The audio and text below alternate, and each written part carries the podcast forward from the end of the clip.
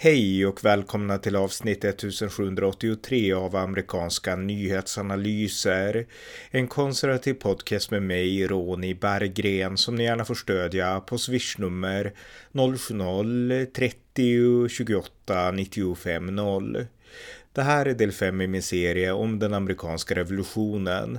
I föregående avsnitt berättade jag om britternas intåg i den amerikanska södern och förräderiet av George Washingtons general Benedict Arnold. Här följer fortsättningen om britternas intåg i Thomas Jeffersons Virginia. Varmt välkomna! Ja, i mitt förra avsnitt så berättade jag om den amerikanske generalen Benedict Arnold som vände revolutionen ryggen och förrådde George Washington och eh, anslöt sig till britterna. Efter det här sveket som skulle sända chockvågor över stora delar av det, eh, ja, bland patrioterna i Amerika, så fick Benedict Arnold en ny position av britterna. Han var ju trots allt en general, han hade stor militär kompetens och han kände amerikanerna, han förstod amerikanerna. Så att han fick nu en ny, ny uppgift av britterna och den uppgiften blev att eh, via havsvägen invadera delstaten Virginia. Och eh, den planen, den smeds också av en annan brittisk general och det var såklart av Lord Cornwallis som krigade i södern där han hade bedrivit eh, utnötningskrig mot kontinentalarméns befälhavare Nathaniel Green som jag berättade om i förra avsnittet. Eh, Nathaniel Green hade varit otroligt effektiv i sin krigföring. Eh, amerikanerna hade under han och hans undergenerals ledning vunnit eh, stora framgångar i slaget vid Cowpens och vid slaget vid eh, Guilford Courthouse. Och de här slagen då hade nött ner de brittiska trupperna så Lord Cornwallis hade ungefär bara 1400 trupper kvar i Carolinas och han insåg att vi vinner inga lojalister här, vi måste komma på en ny strategi. Och eh, hans nya plan blev att ta sig norrut och ta sig in i Virginia. Genom att eh, skära av Virginia, tänkte han, då skulle han kunna stoppa Nathaniel Green. Så att det fanns två planer från den brittiska sidan att inta Virginia. En via skeppsvägen, via med Benedict Arnold i ledningen och en där då Cornwallis skulle vandra söderifrån. Och de här planerna var inte samsynkade riktigt, men det var ändå två tankar som eh, slog de här två brittiska generalerna ungefär samtidigt. Så att eh, Virginia skulle nu bli en central plats för fortsättningen och även slutet på de, den amerikanska revolutionen. Så låt oss nu prata lite grann om Virginia.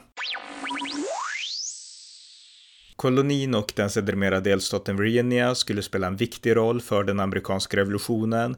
Det var i Virginia som politikern Patrick Henry hade hållit ett tal den 23 mars 1775 i St. John's Church i Richmond, Virginia. Och det här var då på ett konvent där Virginia skulle besluta om man skulle skicka styrkor till, eh, ja, till kontinentalkongressen. Och det här var ju redan en månad innan eh, skotten vid Lexington och Concord. Och eh, den här Virginia Virginia-politikern då, Patrick Henry, han sa så här.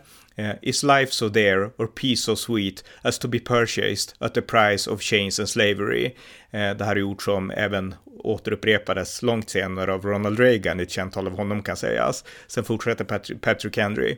I know not what course others may take, but as for me, give me liberty or give me death. Så sa Patrick Henry. Och eh, det här var alltså i mars 1775 och eh, här på, i kyrkbänken så fanns det många kända personer. En av dem hette George Washington, han var också från Virginia. Och en annan hette Thomas Jefferson och båda de här var godsägare från Virginia. Så att eh, Patrick Henry hade verkligen ett stort inflytande på några av huvudpersonerna i den amerikanska revolutionen. Och eh, Patrick Henry skulle sen, bara några veckor senare faktiskt, bli vald till Virginias första guvernör. För det, det som hände det var att eh, Virginias eh, delegation, de samlades till ett eget konvent där i delstaten och förklarade sig fria från Storbritannien. Och sen så valde man en egen av Storbritannien oberoende guvernör och det blev Patrick Henry. Så att han var väldigt viktig för uppstarten i, i liksom motståndet mot britterna i Virginia. Eh, men när kriget då började 1775, då var Virginia ändå väldigt eh, relativt oskadda. Britterna gjorde en kort försök till räd in i Virginia i under två veckors tid 1776. Men därefter så hände nästan ingenting. Alltså britterna hade inga aktiviteter i Virginia. Man stred ju hur mycket som helst med stora arméer i norr och sen så gjorde man de här eh, intåget i södern med omfattande grillakrig och stor förödelse. Det berättade de i förra avsnittet. Men Virginia var relativt oskatt av kriget och eh, Virginia var också platsen där Thomas Jefferson eh, bodde. Det var ju Thomas Jefferson som hade skrivit självständighetsförklaringen som jag läste i avsnitt två i den här serien. Och efter att han hade skrivit den 1776 så återvände Thomas Jefferson då hem till Virginia. Han hade ett stort gods i Virginia som hette Monticello som han hade ärvt när han var i början av 20-årsåldern från sin far. Ett eh, stort gods med slavar som han också hade ärvt från sin mors sida och eh, han var en arkitekt, Thomas Jefferson, så att han älskade att eh, rita och bygga ut och liksom verkligen göra Monticello vackert. Och det är en jättehäftig byggnad där som, som ligger bara utanför Charlottesville i Virginia. Och eh, i motsats till George Washington som också hade ett gods i Virginia, Mount Vernon, men som hade fullt upp med att leda striderna mot britterna i norr, så hade Thomas Jefferson tid att faktiskt vara på sitt eget gods. Och eh, Thomas Jefferson, han var en filosof, han var ingen soldat. Ehm, I unga år så hade han varit varit en del av Virginias egen milisgrupp, men han, eh, ja, soldatlivet var inte för honom, utan Thomas Jeffersons läggning, det var att vara filosofisk, att läsa böcker, att studera, Thomas Jefferson var ju djupt intellektuell. Han kunde ibland läsa upp till 15 timmar per dag. Han kunde sju språk, eh, alltifrån franska, tyska, eh, latin, eh, grekiska, han lärde sig italienska, så att han var djupt kunnig om språk. Och eh, han eh, var också aktiv eh, friluftsmässigt. Efter att han hade ägnat några timmar varje morgon åt att studera så var han ute och red. Han älskade hästar. Hästar var ju det primära transportfordonet på den tiden. Och han ville alltid ha de bästa hästarna som han gav olika unika namn, igel och olika latinska namn som som passar namn på djur till en person som Thomas Jefferson. Och han kunde till och med tämja vildhästar, alltså hoppa upp på en vildhäst och eh, rida in den tills det blev lugn. Så att eh, ridning, eh, läsning och eh, intellektuell nyfikenhet, det var en stor del av Thomas Jeffersons personlighet. Och han läste om allt, allt han kunde läsa eh, läste han och han hade ett stort personligt bibliotek där på Monticello. Och eh, hans många kunskaper eh, har illustrerats på så många sätt med så många olika berättelser och jag tänkte berätta två här. Eh, en berättelse, det var när Thomas Jefferson besökte en vän, en annan godsägare och förmannen på det godset kom in och berättade att en av slavarna har huggit sig själv i benet med en yxa när han var ute och högg ved och han håller på att förblöda till döds. Vad ska vi göra?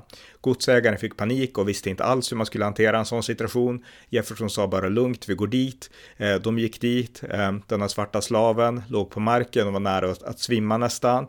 Eh, Thomas Jefferson råkade ha en nål och tråd i rocken och han böjde sig ner, han kände med fingret i såret vart artären var och eh, sydde ihop artären. Och det här var liksom ingen professionell eh, läkarkonst utan det var högst spontant och det var inte alls perfekt gjort.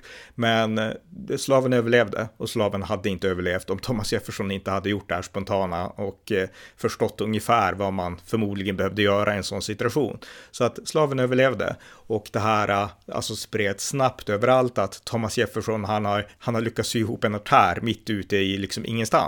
Så att eh, han fick ett rykte om sig om att vara oerhört kunnig och eh, beläst och eh, en man med förmågan att omsätta det han hade läst i praktiken. Och eh, det finns en annan berättelse också som beskriver lite grann djupet i intellektet hos Thomas Jefferson.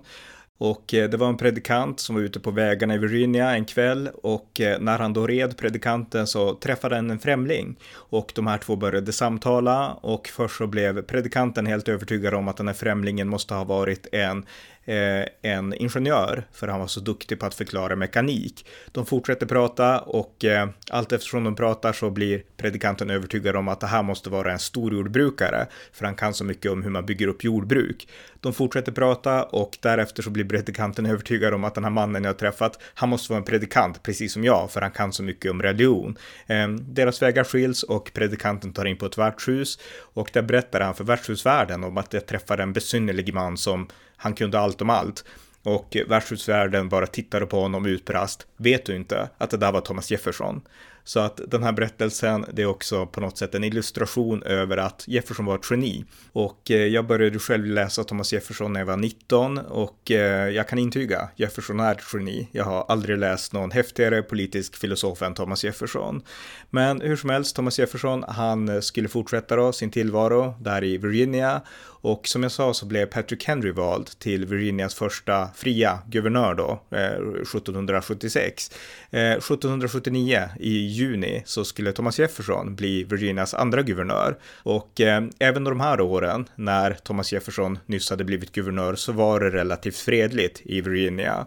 Så att Jefferson hade tid att även som guvernör fortsätta ägna sig åt filosofi han skrev, skrev bland annat boken Notes on Virginia, där han skrev om vikten av religionsfrihet och vikten av grundläggande utbildning för alla, eh, vikten av att eh, stoppa slavhandeln och eh, sådana saker. Han hade ju slavar själv, men stoppa slavhandel in till Virginia från, alltså triangelhandel vill han stoppa.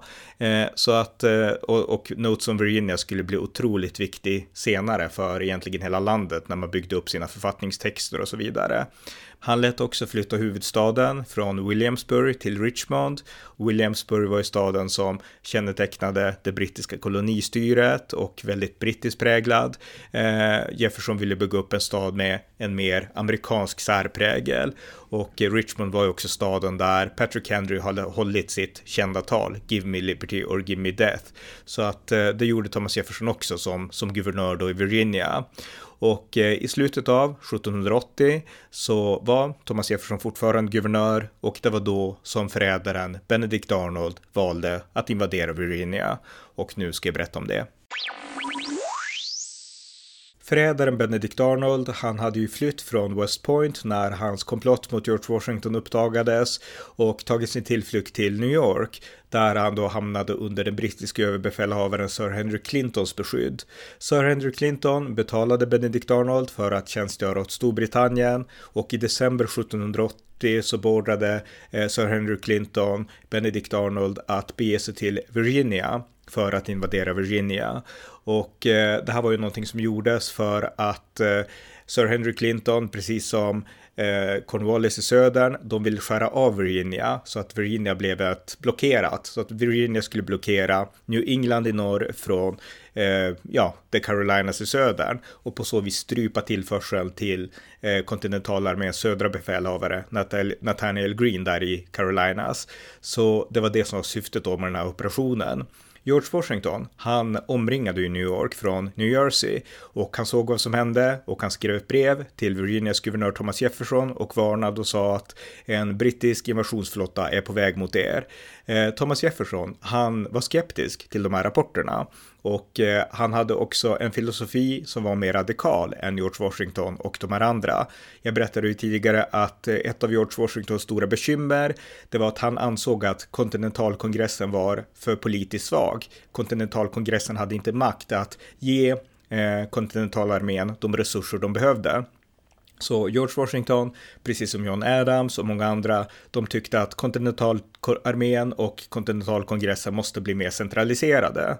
Eh, Thomas Jefferson hade exakt den motsatta filosofin. Han ansåg att det skulle vara så liten statsmakt som möjligt och att eh, allt skulle vara egentligen decentraliserat och det var ungefär så han ville bygga upp Virginia som en rollmodell för övriga landet. Så att i Virginia fanns det ingen stark centralstyrd milis. Det fanns miliser, men de var utspridda i delstaten och eh, många av de bästa soldaterna, de tjänstgjorde redan, antingen med George Washington i norr eller med Nathaniel Greene i söder. Så att eh, Virginia var inte förberett på en invasion och i många avseenden så var det Thomas Jeffersons fel.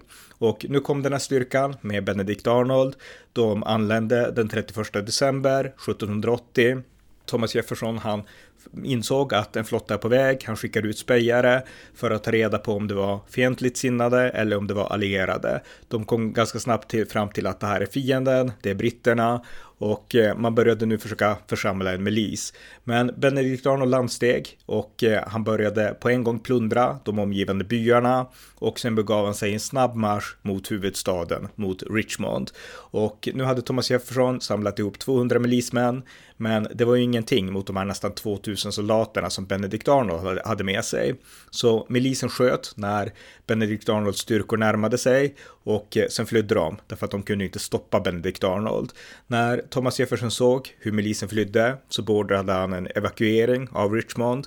Eh, de lagstiftande Eh, alltså lagstiftarna, eh, befolkningen och han själv flydde. De lämnade Richmond och begav sig av mot eh, Charlottesville. Och det här gjorde att Benedict Arnold kunde i princip traska, promenera in i, i Richmond utan att möta något motstånd. Eh, där i Richmond så belägrade han sig i, i kyrkan. Eh, den här kyrkan där faktiskt eh, Patrick Henry hade hållit sitt berömda tal och han skrev ett brev till Thomas Jefferson och sa att jag kommer inte att förstöra staden om du avslöjar vart ni har alla era lager av tobak, av militärlager och ger oss allt. Då kommer jag att skona staden, skrev Benedict Arnold. Eh, Thomas Jefferson, han blev ursinnig och han vägrade. Och eh, det som hände då det var att eh, Benedict Arnold satte eld på Richmond och eh, hus och hem och stora eh, regeringsbyggnader brann.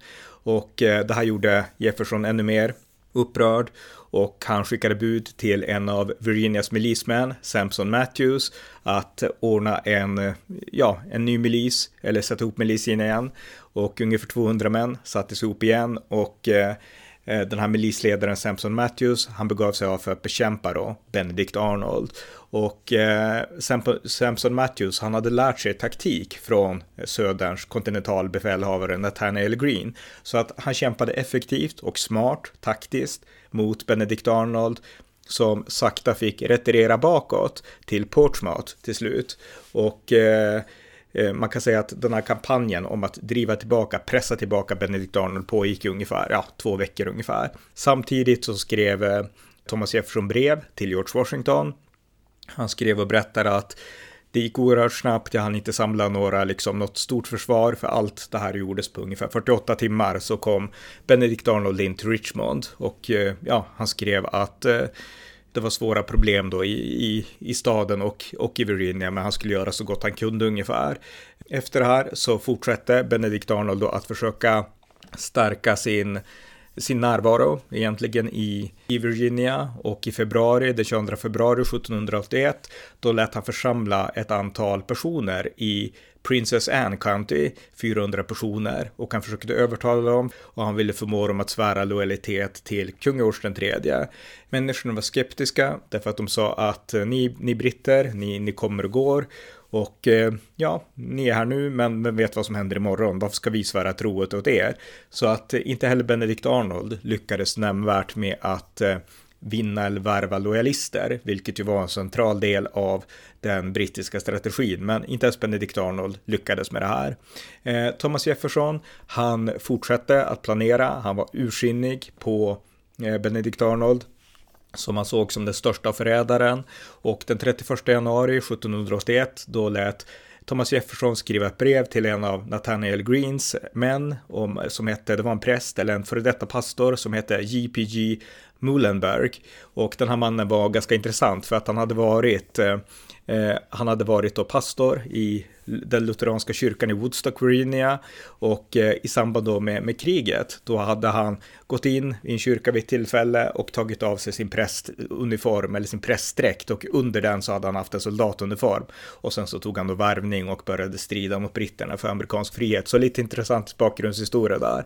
Thomas Jefferson skrev brev till honom för han visste att han kan sånt här med att leda miliser och eh, bad honom att eh, göra upp en plan för att tillfångata förrädaren Benedict Arnold. Och han sa att samla en milis, försök ta honom till fånga, eh, ta honom helst levande för han ska hängas, men kan inte det så döda honom ungefär. Det var ordern från Thomas Jefferson. Det här verkställdes enligt alla, all vetskap inte. Eh, det är inte säkert att eh, den här mannen, JPG Mullenberg, fick brevet av Jefferson, men det här var ändå en plan som Jefferson hade. Eh, en annan person som hade samma plan, det var George Washington. George Washington följde via brevväxling kriget, vad som föregick i Virginia och han beslöt att skicka sin man, Marquis Lafayette, den här fransmannen, unge fransmannen som var en stor entusiast för Amerikas sak, en lärjunge till George Washington.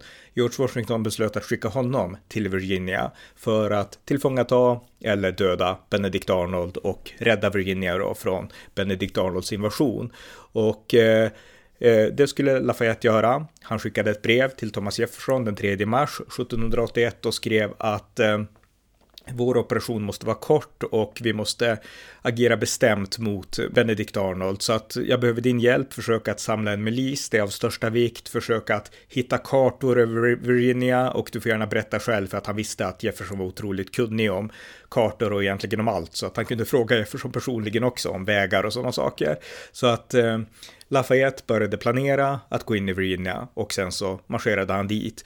Eh, Nathaniel Green, han skrev också till Thomas Jefferson och han skrev att eh, jag väntar med spänning på att veta hur operationerna mot Benedict Arnold går, eh, skrev Nathaniel Green till Thomas Jefferson. Så att alla blickar från södern, från norr, var nu riktade mot Virginia. Men eh, operationen mot Benedikt Arnold lyckades inte. Han var paranoid, han höll sig väldigt stilla, han hade många livvakter. Så att kidnappa honom, det var inte möjligt för att han hade en mycket större styrka. Det gick inte att övermanna Benedikt Arnold, utan det man hade hoppats att man skulle kunna kidnappa honom vid lämpligt tillfälle. Men han hade alltid livvakter och han på något sätt förstod att han var ett jagat byte. Så att han, det gick inte med den planen. Lafayette, han gick in i Virginia, Eh, men där så händer en annan sak, därför att Lafayette mötte en annan militärmakt från Storbritannien, nämligen Lord Cornwallis. Storbritanniens överbefälhavare i södern, Charles Cornwallis, han hade utkämpat ett långt utnötningskrig mot eh, den södra kontinentalarméns befälhavare Nathaniel Green. Och eh, utnötningskriget, det drevs från Nathaniel Greens sida för att, eh, inte då för att besegra Cornwallis i stora öppna slag, utan bara för att nöta ner Eh, Cornwallis styrkor som var så svåra att ersätta. Och vid den här tidpunkten så hade Cornwallis ungefär 1400 man. Det var ingenting och det innebar att vid, även om man kunde vinna specifika slag på eh, specifika platser, så kunde han aldrig behålla de platserna när han väl drog vidare. Då tog amerikanerna tillbaka det och befriade de områdena. Så att det fanns inga utsikter längre i The Carolinas, vare sig i South eller North Carolina för eh, general Cornwallis. Eh, det enda som pågick där, det var blodiga inbördeskrig mellan lojalister och patrioter och det fanns ingen ära, det fanns ingen heder i att liksom engagera sig så mycket i de striderna. Utan ära, det fanns när fienden kapitulerade, det gjorde helt uppenbart inte amerikanen Nathaniel Green och ära fanns också när man kunde erövra mark och säga att nu är det här kronans område. Och det gick som sagt inte heller att göra i The Carolinas. Så att nu begav sig eh, Cornwallis norrut och det gjorde han i mitten av maj 1781 och han begav sig då till Virginia. Och i Virginia så strålade han samman med Benedict Arnold och eh, på vägen mötte de också Marquis Lafayette som fick dra sig tillbaka. Eh, nu tog eh, Charles Cornwallis befäl över de brittiska styrkorna i Virginia. Eh, Benedict Arnold han vart hemskickad till New York för att eh, Cornwallis ville ha egen makt över sina brittiska styrkor. Så att Eh, Benedict Arnold vart nu en, ja, han vart inte så intressant. Han vart hemskickad till New York och eh, som en kort sidonotis så fick han sen i uppdrag att skövla New England, eh, Benedict Arnold, alltså sin egen hemmamark. Så att han var ganska grym även mot sina egna på hemmaplan, Benedict Arnold. Men kriget i Virginia, det fortsatte bedrivas av eh, Charles Cornwallis då i befäl. Och eh, det här skulle också bli svårt för Cornwallis. Eh, dels eh, på grund av att Marquis Lafayette, även om det inte vart några sådana här öppna slag, därför att eh, amerikanerna var för svaga för det också vid den här tidpunkten, så hade Marquis Lafayette ett trumfkort. Marquis Lafayette hade en spion inne i Charles Cornwallis läger i Virginia. Eh, det var nämligen så här att Charles Cornwallis försökte eh, få tag i Marquis Lafayette, men den här spionen gjorde att Marquis Lafayette alltid kunde ligga steget före. Och eh, jag ska berätta lite grann om den här spionen som är en väldigt intressant person. Det var nämligen en svart slav som heter James Armistead. Och den här slaven hade fått tillstånd av sin ägare att ansluta sig till Marquis Lafayettes styrkor när han kom ner då från Eh, New Jersey till, eh, till Virginia. Så den här svarta slaven, James Armistead, han tog eh, anställning hos Marquis Lafayette, de amerikanska styrkorna. Men eftersom han var en slav och han var en sydstatare och han var precis, han kunde dialekten, alltså han var liksom the homeboy. Då begav han sig till Charles Cornwallis och sa att jag är en förrymd slav, jag vill ta min beteckning hos britterna. För det var så att britterna hade skickat ut budskap till slavar att vända sig mot sina herrar och otaliga svarta hade gjort det och de hade anslutit sig till britterna. Det fanns tusentals svarta som stred för britterna mot amerikanerna så att eh, det fanns inga anledningar för Cornwallis att misstänka att den här eh, nya svarta slaven James Armistead var något annat än det han utgav sig för, för att vara, nämligen någon som hade lämnat sitt slav Plantage för att ansluta sig till britterna. Men i praktiken så var James Armistead en spion för Marquis Lafayette och för amerikanerna, så att han eh, delgav hela tiden information till Marquis Lafayette om vad som hände. Så att Marquis Lafayette kunde hela tiden ligga ett steg före, före britterna och eh, det här skulle få stor betydelse även i ett lite senare skede av kriget. Så att på så vis så lyckades eh, Charles Cornwallis inte uppkomma någonting i Virginia egentligen. Och eh, den här slaven, efter kriget så vart han faktiskt tillbakaskickad till sin slavägare, han vart inte friad. Och när Marquis Lafayette hemma i Frankrike sen fick veta det, då skrev han ett brev till den amerikanska kongressen, jag tror att det var 1887, och berättade om den här mannen att den här mannen borde, borde ha blivit fri för han är en hjälte. Och eh, kongressen lyssnade såklart och han vart fri. Och den här eh, svarta mannen då, han han fick eh, James Armistead, han fick sin frihet, han köpte en gård med sin familj och han levde hela sitt liv i frihet sen i Virginia. Och vid ett tillfälle, långt, långt senare, 1824, när eh, Marquis Lafayette återigen hade åkt till Amerika för att besöka den här nya nationen som han älskade så mycket, då åkte han på en rundtur. Och vid ett tillfälle så var han i Eh, den här svarta mannen, James Armisteads hemstad och han såg honom i publiken och kände igen honom och sa kom upp, kom upp liksom och gav honom en stor kram på scenen. Och eh, James Armistead bytte också efternamn till Lafayette. Så att där har ni frihetshistoria från det amerikanska frihetskriget. Det gick inte alls så bra för alla svarta, absolut inte, vi återkommer till det. Men här har vi ett, eh, ja, en solskenshistoria i det som hände där i, i södern och i Virginia. Men hur som helst, eh, Cornwallis lyckades alltså inte, tack vare den här personen, att eh, få tag i Marquis Lafayette. Men Cornwallis försökte också få tag i det politiska etablissemanget i Virginia och huvudpersonen, centralpersonen i det, det var såklart guvernör Thomas Jefferson. Och eh, Charles Cornwallis lät skicka sin grymmaste general, Tarleton Bannister, eh, som ledde britternas Green Dragoons för att göra räder i Virginia och för att gripa Thomas Jefferson i sitt hem i Monticello. Och det ska jag berätta om nu. Den brittiske generalen Lord Cornwallis hade alltså skickat tillbaka den amerikanske landsförrädaren Benedict Arnold till New York för att själv ta kommando över de brittiska militäroperationerna i Virginia. Och efter knappt tre veckor i delstaten så lät Cornwallis skicka ut ett uppbåd för att ta till fånga ingen mindre än Virginias guvernör Thomas Jefferson. Datumet var den 4 juni 1781. Thomas Jefferson hade dock samma dag meddelat Virginias legislatur att han inte tänkte ställa upp för en ny period för omval till guvernör. Så han lät då inte Eh, delstatslegislaturen välja honom och han motiverade det med att han förstod mycket väl att vare sig hans liv eller hans utbildning hade förberett honom för att vara en befälhavare för arméer. Han var alltså ingen George Washington, tillstod han själv. Och eh, han sa att eh, jag anser att det är dags för mig att ta ett steg neråt för att låta bättre talanger, bättre passade, att hantera de omständigheter under vilka vårt land nu befinner sig att ta över. Så att med de orden så tillstod Thomas Jefferson att han inte hade varit den rätta ledaren för den här krigssituationen och han tog ett steg tillbaka.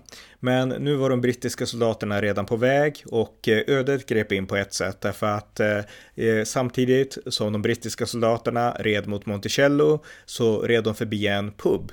Och inne på den här puben så satt en milisman från Virginia, en 26-årig ung man vid namn Jack Chouette. Och han såg de brittiska soldaterna rida förbi. Och han förstod genast, de är på väg till Monticello. Jag måste varna Thomas Jefferson.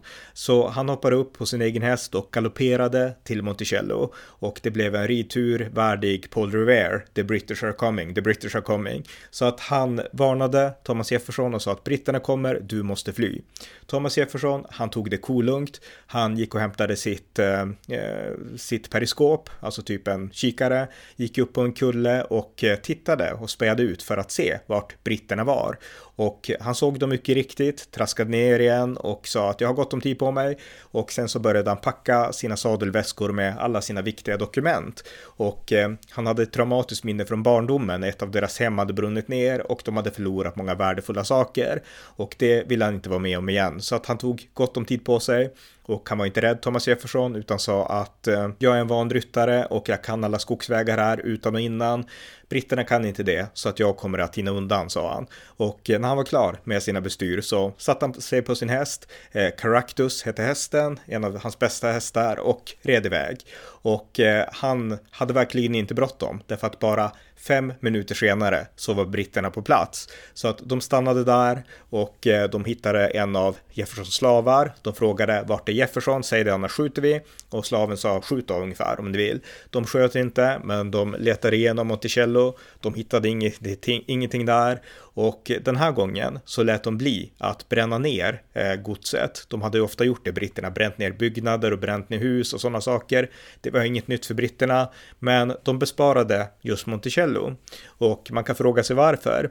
Men en orsak kan ha varit att en brittisk general som också hade varit stationerad i Virginia, eh, William Phillips, han hade en historia som kanske räddade Thomas Jeffersons gods. William Phillips, han hade kommit för att undsätta eh, Benedict Arnold när det var han som styrde med en extra flotta och extra militär. Men William Phillips hade dött av malaria och då kom Cornwallis ganska lagom och tog över. Men en sidohistoria med den här brittiske generalen William Phillips, det var att han hade blivit tagen som krigsfånge av amerikanerna i slaget vid Saratoga och i egenskap av krigsfånge så hade han skickats söderut där de kunde ha tid för att ta hand om krigsfångar. Washington hade ingen tid för sånt och han skickades då till Virginia. Och i Virginia så satt han inte kedjad utan han fick eh, han fick ju ett gästabud och han var då inbjuden på att äta middag hos ingen mindre än Thomas Jefferson. För Thomas Jefferson var en nyfiken herre och också en väldigt pacifistisk person som alltid ville ha dialog och eh, eh möten framför konflikter. Så att eh, den här brittiska generalen William Phillips fick komma till Monticello och eh, fick vara med om Jeffersons väldigt välkända eh, gästfrihet och, och så. Och de var kanske inte vänner, men de träffades och eh, det hölls ett gästabud på Monticello för den här brittiska generalen. Och eh, det kan hända att det var anledningen till att britterna nu lät bli att bränna ner Monticello eh, i respekt för att William Phillips, deras nu döda general, hade själv respekterat Monticello. Det är bara en sidohistoria, ingen vet exakt, men de brände inte ner Monticello i alla fall och det där kan vara förklaringen.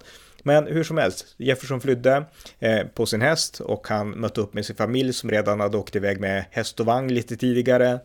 Och eh, de tog sig Eh, längre bort till ett annat gods som Thomas Jefferson hade och eh, där gömde sig Thomas Jefferson i ungefär mer än en månad tills någon gång in i juli 1781 innan han eh, ja, bedömde att det var säkert att återvända återigen till tillbaka till Monticello. Så att det där var Thomas Jeffersons flykt och många av Thomas Jeffersons politiska motståndare de ville använda det här för att beskriva att Jefferson var en ynkrygg. Han hade flytt och inte mött fienden i vitögat och Eh, på ett sätt så var det ju kanske sant. Jag menar, det fanns många fighters, eh, liksom amerikanska patrioter som Eh, jag menar John Adams, George Washington, Alexander Hamilton, de hade dragit pistoler och skjutit tillbaka, de hade aldrig lämnat, förmodligen inte i alla fall.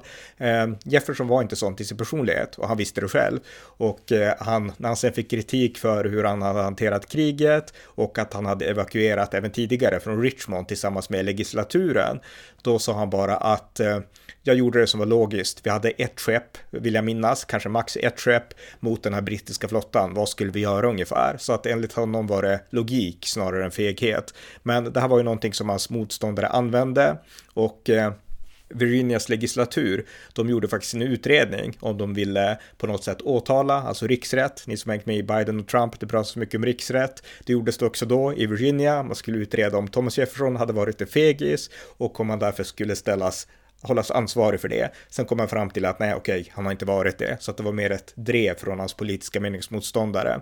Men poängen är i alla fall att Thomas Jefferson flydde för britterna och det kan mycket väl hända att det var det logiska beslutet för Thomas Jefferson i egenskap av författaren till den självständighetsförklaring som USA hade använt för att proklamera frihet från Storbritannien så är det inte alls omöjligt att britterna skulle ha hängt honom om de fick fast honom. Jefferson överlevde och han skulle framöver bli en stor man inom amerikansk politik människohistoria. historia. Eh, 1784, året efter kriget, så skulle han skickas som diplomat till Frankrike. Därefter så skulle han bli utrikesminister åt George Washington och eh, 1801 så skulle han bli USAs tredje president. Men de här sakerna låg i framtiden. Under de kvarvarande krigsåren så levde Jefferson ett mer tillbakadraget liv. Han hade den här utredningen att ta itu med om huruvida han hade varit feg som guvernör och därtill så dog hans hustru Marta bara året efter att han lämnade guvernörskapet. Hon dog den 6 september eh, 1782. Jefferson vart otröstlig och den enda som kunde ge honom stöd det var hans tioåriga dotter Patsy och eh, långa ridturer i skogen. Eh, han ägnade också mycket tid åt att skriva klart sin bok Notes on Virginia som han hade börjat skriva som guvernör. En bok som skulle hyllas för Jeffersons detaljerade beskrivningar av geografin i Virginia och för Jeffersons eh, initierade kunskaper om politisk filosofi. Men eh, överlag så väntade Jeffersons politiska gärning till efter kriget. Så därför ska vi nu gå tillbaka till den andra mannen från Virginia som spelade en större roll under själva kriget, George Washington. George Washington som då var överbefälhavare för alla de amerikanska styrkorna i kontinentalarmén. Han befann sig i New Jersey där han sedan några år tillbaka hade hållit en belägring mot New York där britterna hade sitt huvudsäte under det brittiska överbefälhavaren Sir Henry Clinton. Och eh, Washington hölls uppdaterad om vad som hände i södern genom att brevväxla med sin general Marquis Lafayette i Virginia och sin general Nathaniel Greene i The Carolinas. Och eh, Washington själv, han hade haft egna planer också. Dels fanns det en plan att försöka inta Kanada, men i takt med att man allierade sig med fransmännen så blev eh, Washington allt mer skeptisk till den idén därför att han insåg att i Kanada finns det många som pratar eh, franska och eh, ja, vem vet, om vi besegrar britterna där också, då kan det hända mycket väl att de vill ansluta sig till Frankrike och då får vi en fransk imperiemakt här på amerikansk mark igen och det vill vi inte. Så att hans stora fokus var ändå New York, att kunna sätta in en dödsstöt mot eh, Eh, Sir Henry Clinton eh, på Manhattan. Men det här var inte en plan som var realistisk. Eh, Washington smed flera olika planer, funderade verkligen på det här, men han insåg också att det här går inte att göra utan Frankrike. Och han hoppades att den franska general som hade skickats från Frankrike till Amerika, general Rochenbau, en 55-årig man med lång erfarenhet, skulle hjälpa honom att invadera New York. Och han träffade vid tillfälle Rochenbau och eh, var trevlig, artig och eh, spelade väl med lite grann. Men Rochenbau visste att vi kommer aldrig att invadera New York med amerikanerna, utan det är fortfarande Britannia som rule the waves och eh, det vore meningslöst att ens försöka anfalla New York. Det skulle kosta för mycket. Men däremot hade Rochenbau en annan plan som han presenterade för George Washington. För det var så här i södern så hade Lord Cornwallis, den brittiska generalen som var kvar där, han fick ett allt svårare läge. Britterna hade sedan länge nu insett att det här med att det skulle finnas många lojalister som ansluter till den brittiska saken, det var en fantasi. Det är inte så. Kanske fanns det någon realistisk möjlighet i början av kriget, men nu är det inte så alls. Och eh, den enda mark som britterna hade kvar, i South Carolina. Det var eh, alltså fort på kusten. Hela inlandet, South Carolina, North Carolina, där var britterna helt borta. Amerikanerna hade under Nathaniel Greens ledning tagit tillbaka allt. Så att nu fanns det inte mycket kvar och hans styrka i Virginia var svårt försvagad. Han hade faktiskt utkämpat ett öppet krig i Virginia med Washingtons general eh, Marquis Lafayette och eh, han hade då eh, visserligen tillfogat Lafayette stora skador som sen skulle backa ur lite grann och han hade även haft hjälp av sin egen undergeneral, grymme general eh, Tarleton Bannister.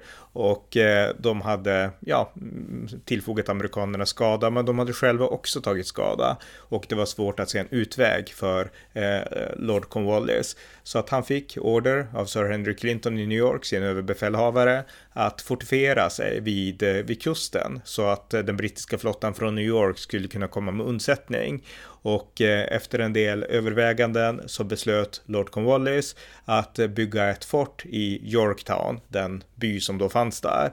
Så att Yorktown blev platsen där Cornwallis fortifierade de brittiska styrkorna i Virginia. Och det här visste den franska generalen Rochambeau. Eh, Washington hade ju själv också fått rapporter om det här såklart från sina generaler. Eh, Marquis Lafayette i Virginia, han hade skrivit att nu har vi en chans att stänga in britterna. Och eh, Washington var inte helt pepp på, på just det här vid det tillfället. Men Rochambeau meddelade att vi kommer inte att gå in i New York, den franska flottan. Däremot så kommer vi att segla från Västindien om inte speciellt lång tid innan orkansäsongen sätter igång. Och eh, vi kan segla till Chesapeake Bay och vi kan skära av Yorktown så att eh, Yorktown blir igenpluggat så att britterna inte kan skicka förstärkning från New York. Och eh, det innebär att då kommer Lord Cornwallis att vara helt ensam. Han är nu väldigt självsäker för att han förstår att han inte kommer att kunna övermannas så länge som han har en förbindelse till New York. Men om vi skär av den, då finns det ett unikt tillfälle att eh, kanske sätta punkt, punkt för kriget. Men inte här uppe i New York, utan i södern. Och det här var en idé som George Washington då nappade på. Och eh, det var tur att det var Rochambeau som hade befälet över de franska styrkorna. Han var som sagt en av Frankrikes mest erfarna generaler. Men det hade funnits i ett tidigare skede av kriget också en liten möjlighet att, att den här unge mannen, Marquis Lafayette, hade fått befäl över alla de franska styrkorna. Det var Marquis Lafayette som nu var en stor fan av George Washington och nästan som hans son som hade vädjat till Frankrikes kung om att skicka styrkor till Amerika för amer amerikanernas sak. Det var Marquis Lafayette som kom från en känd familj som hade kunnat ge honom en stor position och han hade också hoppats att han själv skulle få befäl över de franska styrkorna i Amerika. Och hade han fått det, då skulle förmodligen det ha blivit en totalt misslyckad operation mot britterna i New York. Nu blev det inte så, utan Rochambeau, den här äldre generalen, han var den som bestämde och eh, han kom nu på den här eh, idén att eh, vi kan skicka styrkor för att plugga igen Chesapeake Bay så att ni har nu chans i södern. Washington lyssnade och insåg att det här är vägen framåt. Så att nu började Washington planera, det behövde gå väldigt snabbt och han behövde göra en distraktion för att inte få Sir Henry Clinton i New York att inse vad som var på väg. Så Washington lät bygga bagerier i sin fortifikation där i, i New Jersey och han lät bygga, precis som han alltid gjorde, alltså han gjorde en skenmanöver för att britterna skulle tro att ja, men belägringen fortgår precis på samma sätt som den har gjort i flera år. Men i själva verket så skickade han i hemlighet ut tusentals soldater in i Pennsylvania. De samlades tillsammans med 5000 franska soldater och de började sedan marschera mot Virginia med sikte på Yorktown och Rochambeau vandrade tillsammans med George Washington och här kan det passa att berätta att Sverige också hade en roll att spela här. Eh, våran kung Gustav III, han hade en vän som hette Axel von Fersen som tjänstgjorde åt fransmännen och han hade ett intresse av Amerika så han åkte till Amerika och den här svensken då Axel von Fersen, han kunde både franska och engelska och George Washington kunde inte ett ord franska och Rochambeau kunde inte ett ord engelska. Så svensken Axel von Fersen, han blev tolk åt de här två och eh, han skulle sen spela en roll i kriget också sen, en liten roll där i Yorktown. Så att det var en svensk som också var med på resan. Eh, fransmännen i alla fall, de beskådade hur dåligt skick amerikanerna var. De hade dåliga uniformer, de var hungriga och det var en i mångt och mycket trasad eh, amerikansk armé. Så att den här eh, franska förstärkningen både till havs och eh, till land, den var helt nödvändig för att amerikanerna skulle lyckas ta sig vidare. Så tillsammans marscherade nu fransmän och amerikaner mot Yorktown och nu ska vi berätta om slaget vid Yorktown. I augusti 1781 då kom Washington och Rosenbaums gemensamma styrkor in i Virginia. Eh, George Washington stannade för en tid i sitt hem i Mount Vernon där han inte hade varit på hela sex års tid och sen fortsatte de att marschera mot Yorktown och eh, Eh, general Cornwallis. Cornwallis, han såg att amerikanerna och fransmännen närmade sig, men han blev till en början inte överdrivet skrämd, därför att han ansåg att britterna styrde fortfarande havet och så länge jag kan få förstärkning från New York så kommer jag att kunna känna mig trygg här i min fortifikation i Yorktown.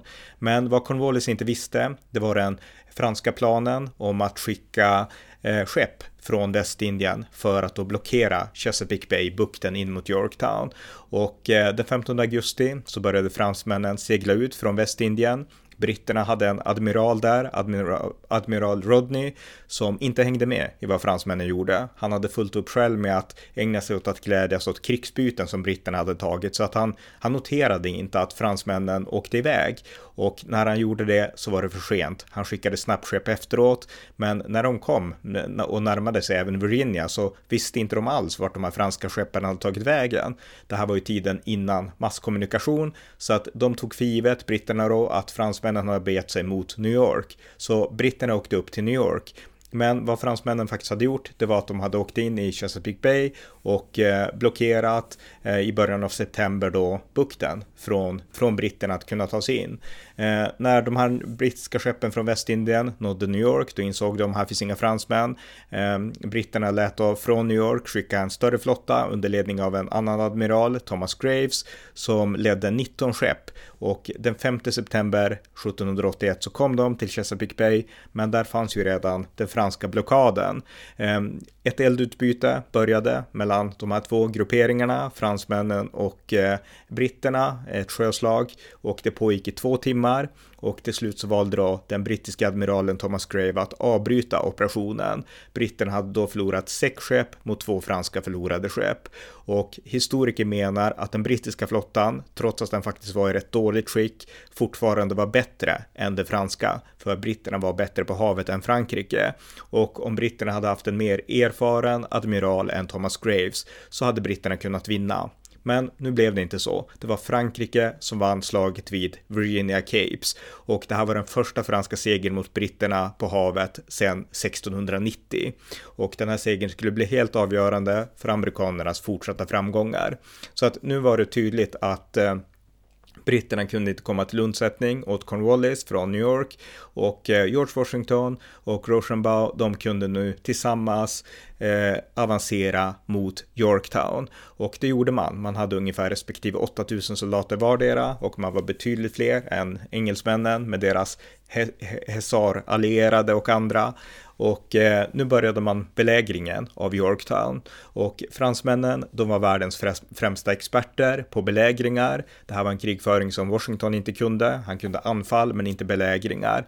Eh, belägringarna byggde på att man grävde vallgravar, man sköt och sen flyttade man sakta fram sitt artilleri så man kunde skjuta längre och längre in. Och det här var eh, fransmännen väldigt duktiga på.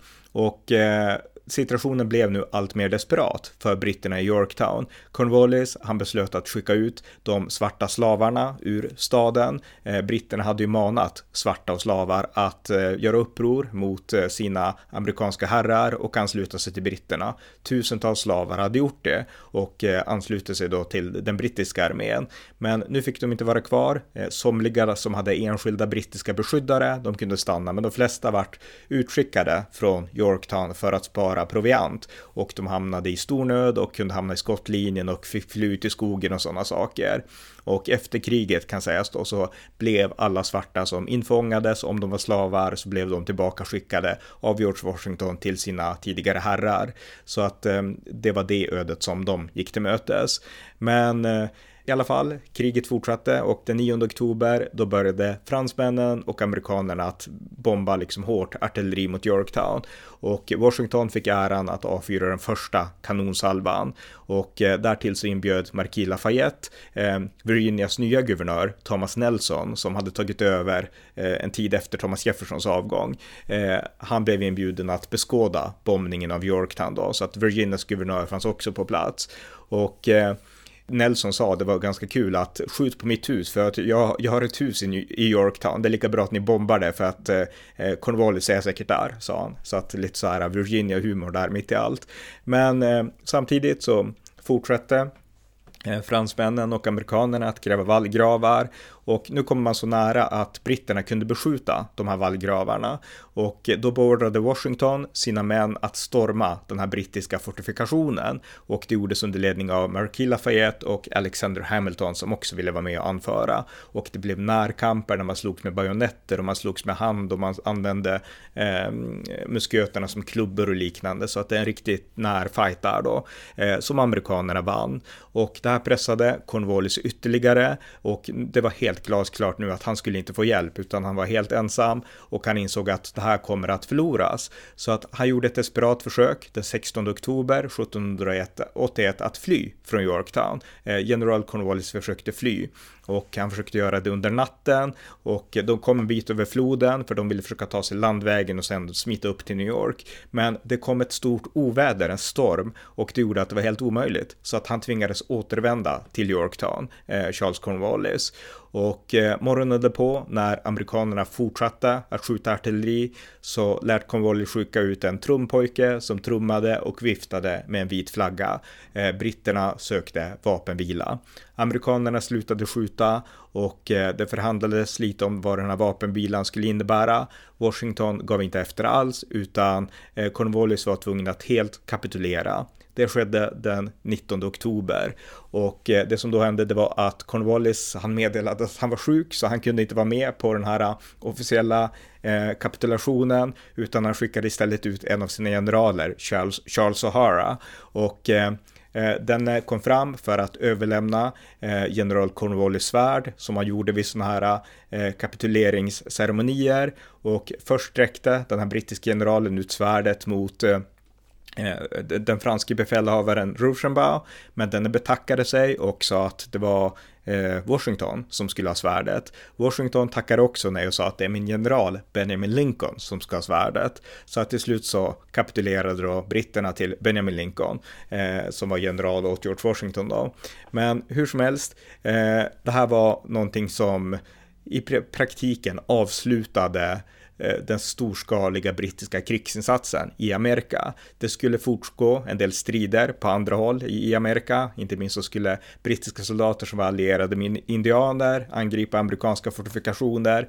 Men i grund och botten så var kriget överlag över. Slaget vid Yorktown, belägringen vid Yorktown, det var den sista stora offensiven som behövde göras för att knäcka den kri brittiska krigsviljan. Och eh, den här nyheten om den brittiska förlusten i Yorktown, den spred sig snabbt över Europa och till England såklart. Och den brittiske premiärministern Lord North, han svimmade nästan av beskedet och utbrast Oh God, it's all over.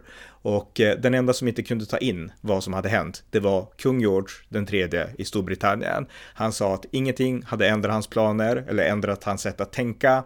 Om man övergav Amerika så skulle man upplösa imperiet och han tänkte inte ge upp. Och faktum var att britterna hade nu 30 000 man kvar i Amerika. Dels i New York, men de hade också Savannah och Charlestown.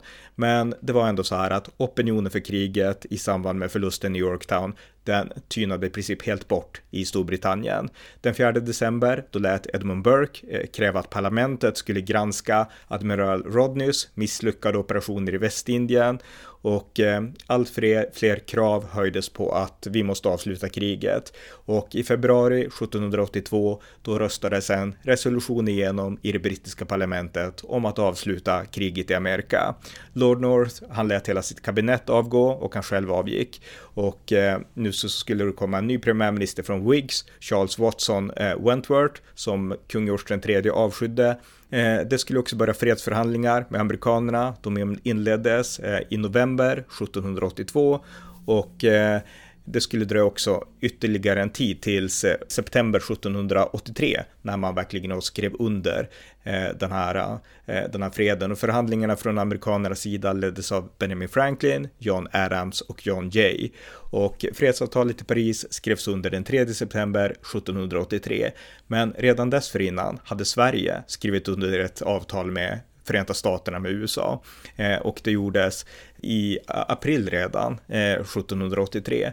Då skrev Benjamin Franklin under ett avtal med greve Philip Gustav Kreutz och eh, det här var ett svenskt amerikanskt vänskaps och handelstraktat och Sverige blev då det första neutrala landet, alltså efter Frankrike, som erkände den nya unga amerikanska republiken. Så att det är rätt häftigt att, att det var så. Och det hänger faktiskt ett exemplar av den amerikanska självständighetsförklaringen på Rosenbergs slott och den inramade guld och det tack som Sverige fick på 1800-talet av amerikanerna för att vi blev det första neutrala landet i världen att erkänna USA. Så att vi har många historiska band vi i Sverige med USA också.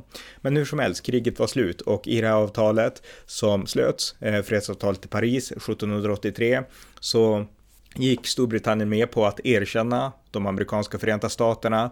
De gick med på att dra bort alla sina soldater från Amerika. Man lämnade alltså New York också och eh, i utbyte så fick man rätten att inkassera de skulder som vissa personer och eh, ja, företag och sånt där hade i Amerika till Storbritannien. Det skulle britterna få inkassera. Så att det vart fred mellan USA och Storbritannien. Eh, sen skulle det bli ett nytt krig något årtionde senare.